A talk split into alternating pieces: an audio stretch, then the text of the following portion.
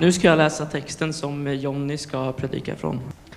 Mina älskade, tro inte alla andar, utan pröva andarna om de kommer från Gud.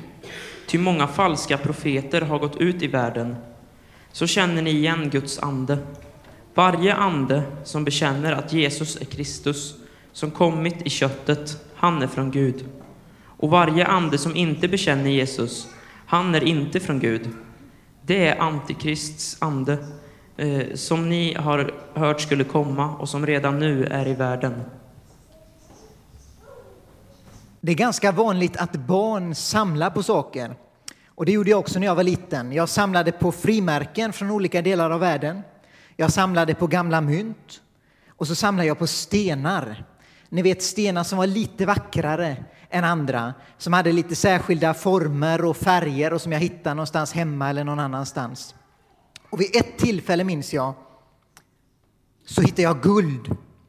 Och jag blev så entusiastisk och helt lyrisk och jag sprang till mina föräldrar och sa titta, jag har hittat guld. Och mamma och pappa de tittade på mig och så tittade de på mitt guld och så sa de, lilla vän, det är inte guld, det är kattguld. Och jag sa ja, guld. Och de sa nej, det är inte guld, det är kattguld. Det ser ut som guld, men det är inte guld, det är någonting annat. Och det är inte värt någonting. Och ni kan ju tänka er hur besviken jag blev. Jag hade målat upp eh, en bild för mig själv som framtida miljonär. Men jag lärde mig en viktig sanning. Jag lärde mig sanningen i uttrycket allt är inte guld som glimmar. Och jag tänker mig att detsamma är sant om eh, den kristna världen, om det andliga landskapet. Någonting kan vara så vackert, det kan glimra som guld, det kan lysa som solsken, det kan låta så fantastiskt och kännas så bra, men allt är inte Gud som glimmar. Falska profeter och att pröva andarna läste Jakob om här. Om du är här för första gången och du kanske inte ens är säker på om, om du har en kristen tro så kanske det känns väldigt främmande. Det kanske till och med känns lite skrämmande. Och det här är ingenting som vi brukar prata om så mycket här i kyrkan. Det är inget som jag brukar prata så mycket om. Eh, det som är vårt fokus, det som är centrum av vår tro, det är den Gud som har skapat oss och som har älskat oss och som vill leva våra liv tillsammans med oss. Det som vi älskar att tala om det är Jesus och liv och den glädje som han vill ge. Men ibland så finns det tillfällen när vi behöver prata om det också som vi inte talar om så ofta. Och jag tror att i eftermiddag är ett sådant tillfälle. Och därför i eftermiddag så skulle jag vilja tala över rubriken, och jag tror den kom upp på skärmen här också, Allt är inte Gud som glimmar. Och Jag skulle vilja säga någonting om att pröva andarna. Det kommer att framträda många falska profeter, säger Bibeln. Och därför så behöver vi pröva andarna.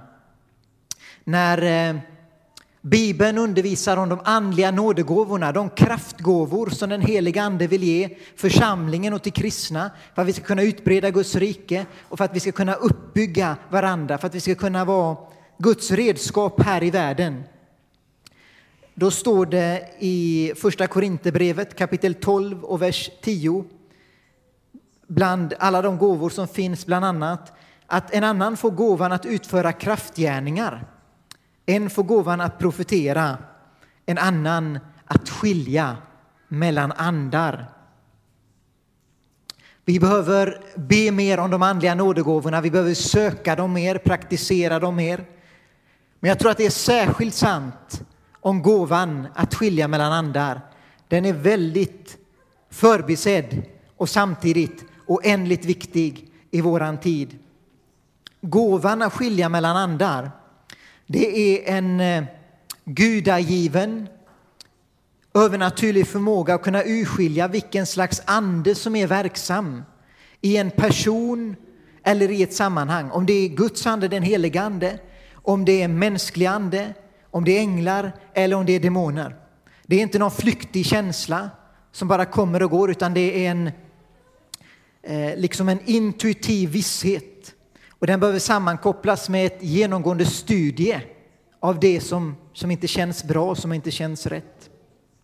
Det finns en del människor som tror att de har gåvan att skilja mellan andar och som ser villolärare och demoner överallt.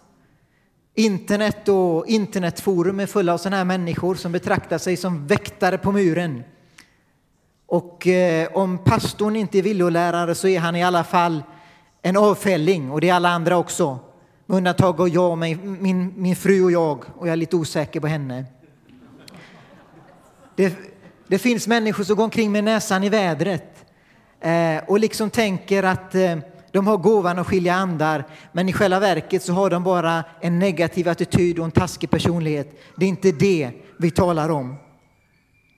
Det har nog aldrig funnits ett väckelseskeende, alltså ett sammanhang där Gud verkat på ett särskilt sätt, där det inte också har funnits sånt som varit mänskligt destruktivt, kötsligt som har kommit i ljuset, där sånt som har varit demoniskt har kommit i ljuset.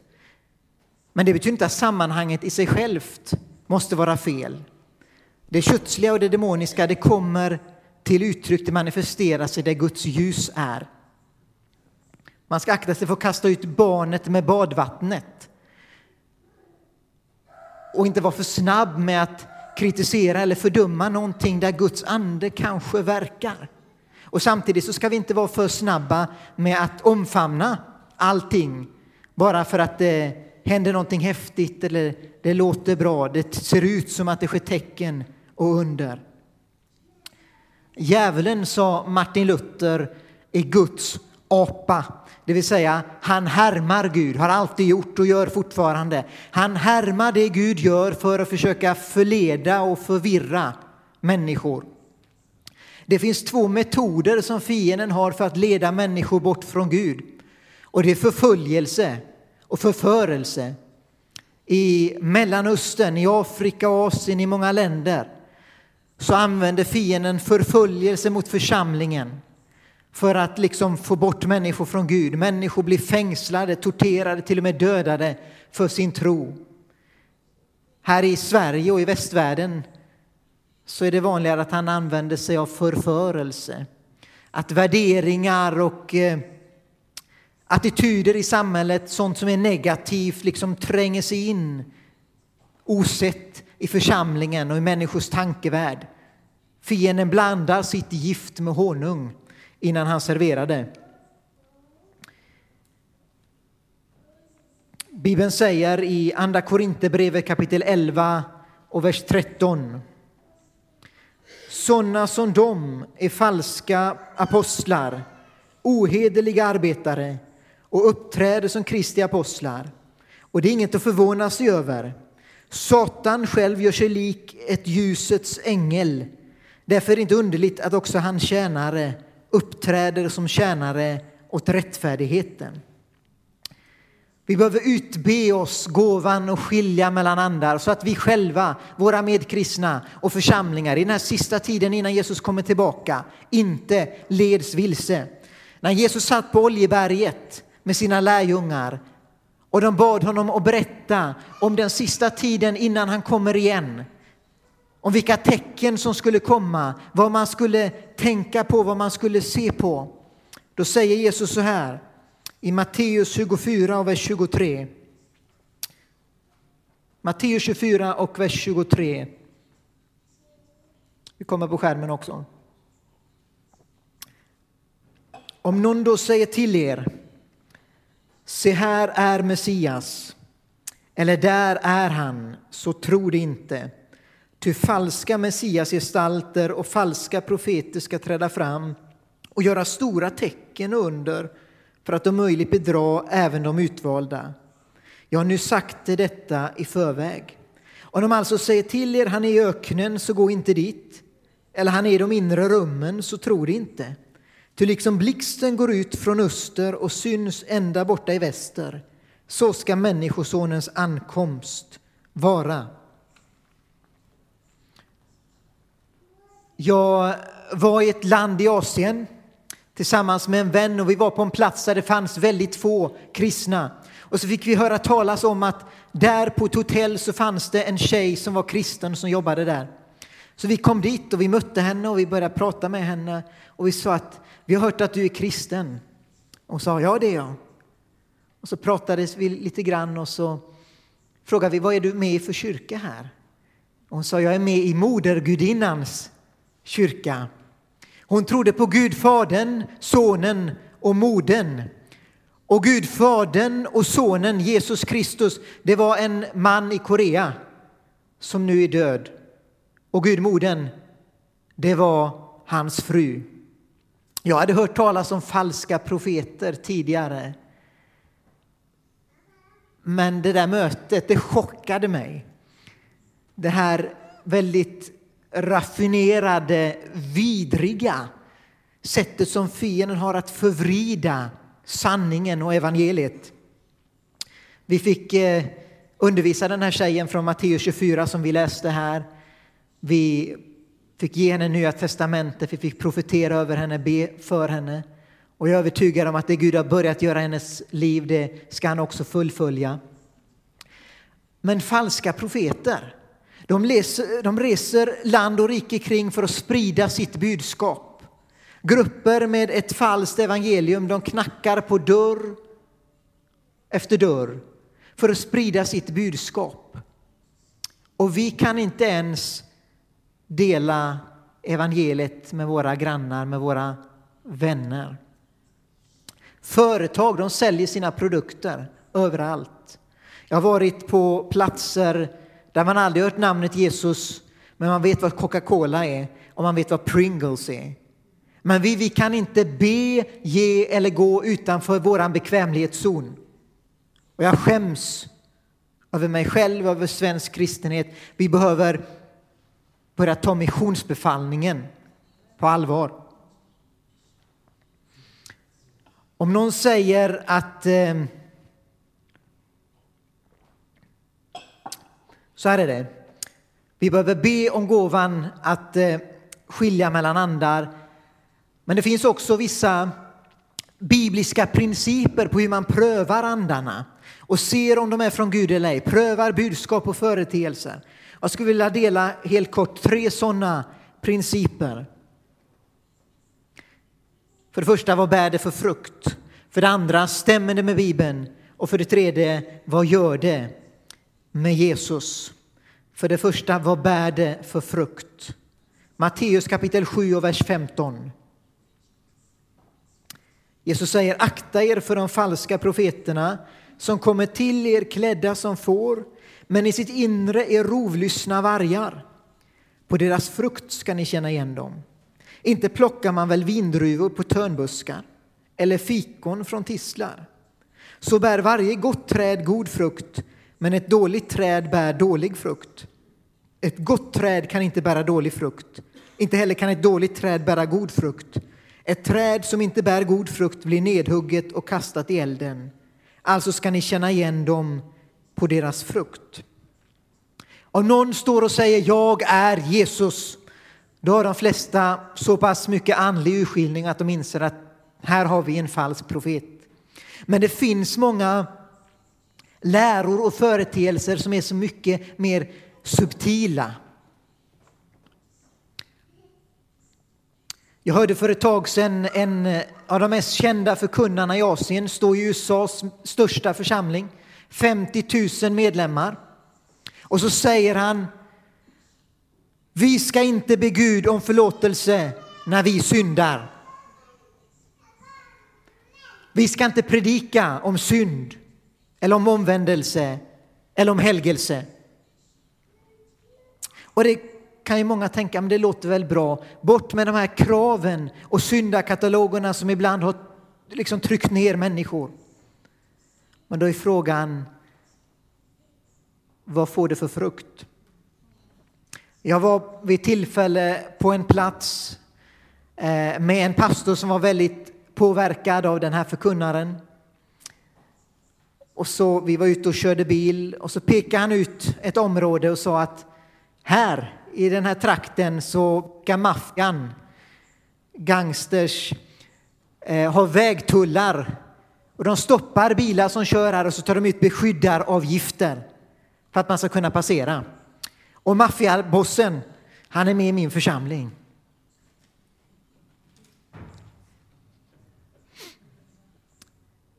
Vad får det för frukt?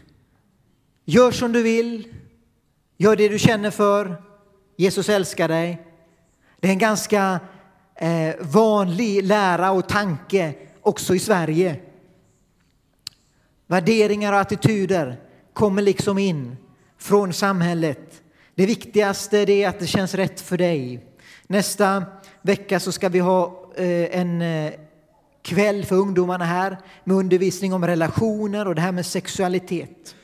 Och i samhället så är, så är policyn allt som känns bra är bra. Men det är inte vad Bibeln säger. Bibeln säger här går vägen, gå på den. Det här är Guds ramar. Det här är Guds vilja, Guds bud. Och de har Gud gett för vårt bästa.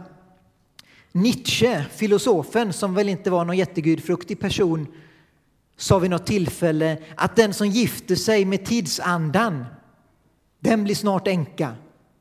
Trenderna och värderingarna i samhället de förändras hela tiden. Bara på några decennier, bara på några år. Men Bibeln, Guds ord, det står fast. Vi brukar säga att vi kan komma precis som vi är till Gud och det är en underbar sanning. Men vi ska inte stanna där. Därför att det är så att Gud älskar oss så mycket så att han inte låter oss förbli sådana som vi är. För ingen av oss är riktigt sådana som vi är tänkta att vara. Vi är tänkta för att bli någonting så mycket mer och någonting så mycket bättre. Bibeln säger att Gud vill forma oss efter Jesu avbild. Men för att han ska kunna göra det, då måste vi tala om synd, om omvändelse, om helgelse. Det är ganska vanligt med falska evangelium att man sprider laglöshet, att man tar bort buden för att det tilltalar liksom det kötsliga hos människan. Men så har vi också andra diket. Där människor samlas kring någon liten påve som bestämmer och dikterar allting i ditt liv. Vad du ska jobba med, vem du ska gifta dig med, vad du ska äta för flingor till frukost. Och det kan vara en trygghet för en del. Samtidigt som man blir viljelösa robotar utan någon som helst kreativitet eller frihet. Ofta så vill den här människan lyfta fram att Gud talar genom mig, jag är Guds språkrör och ingen annan kommunicerar med Gud som jag. Vad blir det för frukt? Vad blir det för smak? För det mig närmare Jesus?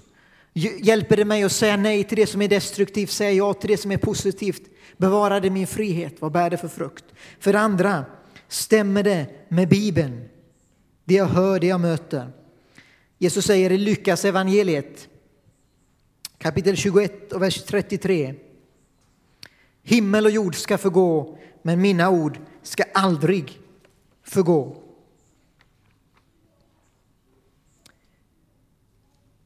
Det finns eh, så många saker, många exempel man skulle kunna ta fram av absurda egentligen och, och underliga läror och företeelser som dyker upp genom att människor hävdar sig ha fått ett ord från Gud. Och vi tror på ord från Gud, vi tror på profetia, att Gud genom människor kommer med profetiska tilltal av uppmuntran, av vägledning, av förmaning till oss, till människor och till, för, till församlingar. Det tror vi på. Men det måste alltid prövas gentemot Bibeln. Gud säger inte emot sig själv. Den heliga Ande säger inte emot sig själv.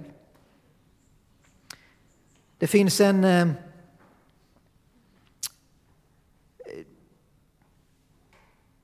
en vanlig sak, tyvärr, som man, man möter ibland. Bara som ett exempel. Och det är förkunnare som säger att Gud har talat till mig. Och han sa, du är gift med fel kvinna. Hon som är din fru nu, hon är inget bra. Lämna henne. Och Gud sa att jag skulle gifta mig med min unga vackra sekreterare. Så nu har jag gjort det. Och vi bara känner Guds välbehag och Guds välsignelse över oss och över min tjänst. Jag har aldrig känt det som smörjelse i min tjänst som nu. Men det är bara lugn och inbildning. Därför att Bibeln säger överge inte din ungdoms hustru. Någon har sagt att eh, om du sitter själv och läser Bibeln och kommer på någonting som ingen någonsin i kyrkans historia har trott eller lärt tidigare, ja, då är det antagligen en villolära. Bibeln, Guds ord, behöver läsas och tolkas mitt i församlingen. Ibland så kommer man och stöter på sammanhang och människor som säger att våga inte ifrågasätta det jag säger nu, för då bedrövar du den helige Ande. Nu talar jag under direkt inspiration från Gud. Våga inte säga emot. Men då är det fara och färde därför att Bibeln säger pröva allt och behåll det goda. Det finns många människor som säger att de får uppenbarelser om himmel och helvete och en massa annat. Och vi tror att det kan ske. Men allt sånt ska alltid prövas gentemot Bibeln. För det tredje, vad gör det med Jesus? Bibeln säger så här i första Korinthierbrevet kapitel 3 och vers 10. Tack vare den nåd Gud har gett mig har jag som en klok byggmästare lagt en grund som någon annan bygger vidare på. Men var och en måste tänka på hur han bygger. Ingen kan lägga en annan grund än den som redan finns och den är Jesus Kristus. Grunden i den kristna tron, i den kristna församlingen, det är Jesus och han är också centrum. Det är han vi samlas kring. Det är han som är meningen. Det är han som är, som någon säger, skriftens kärna och stjärna. Och allting ska prövas utifrån vilket, vilken uppmärksamhet och vilken plats det ger åt Jesus. Det finns en profet, en man som kallar sig profet i Afrika. Han har eh, två, två miljoner likes på Facebook, så ni som är unga, ni vet att han är populär.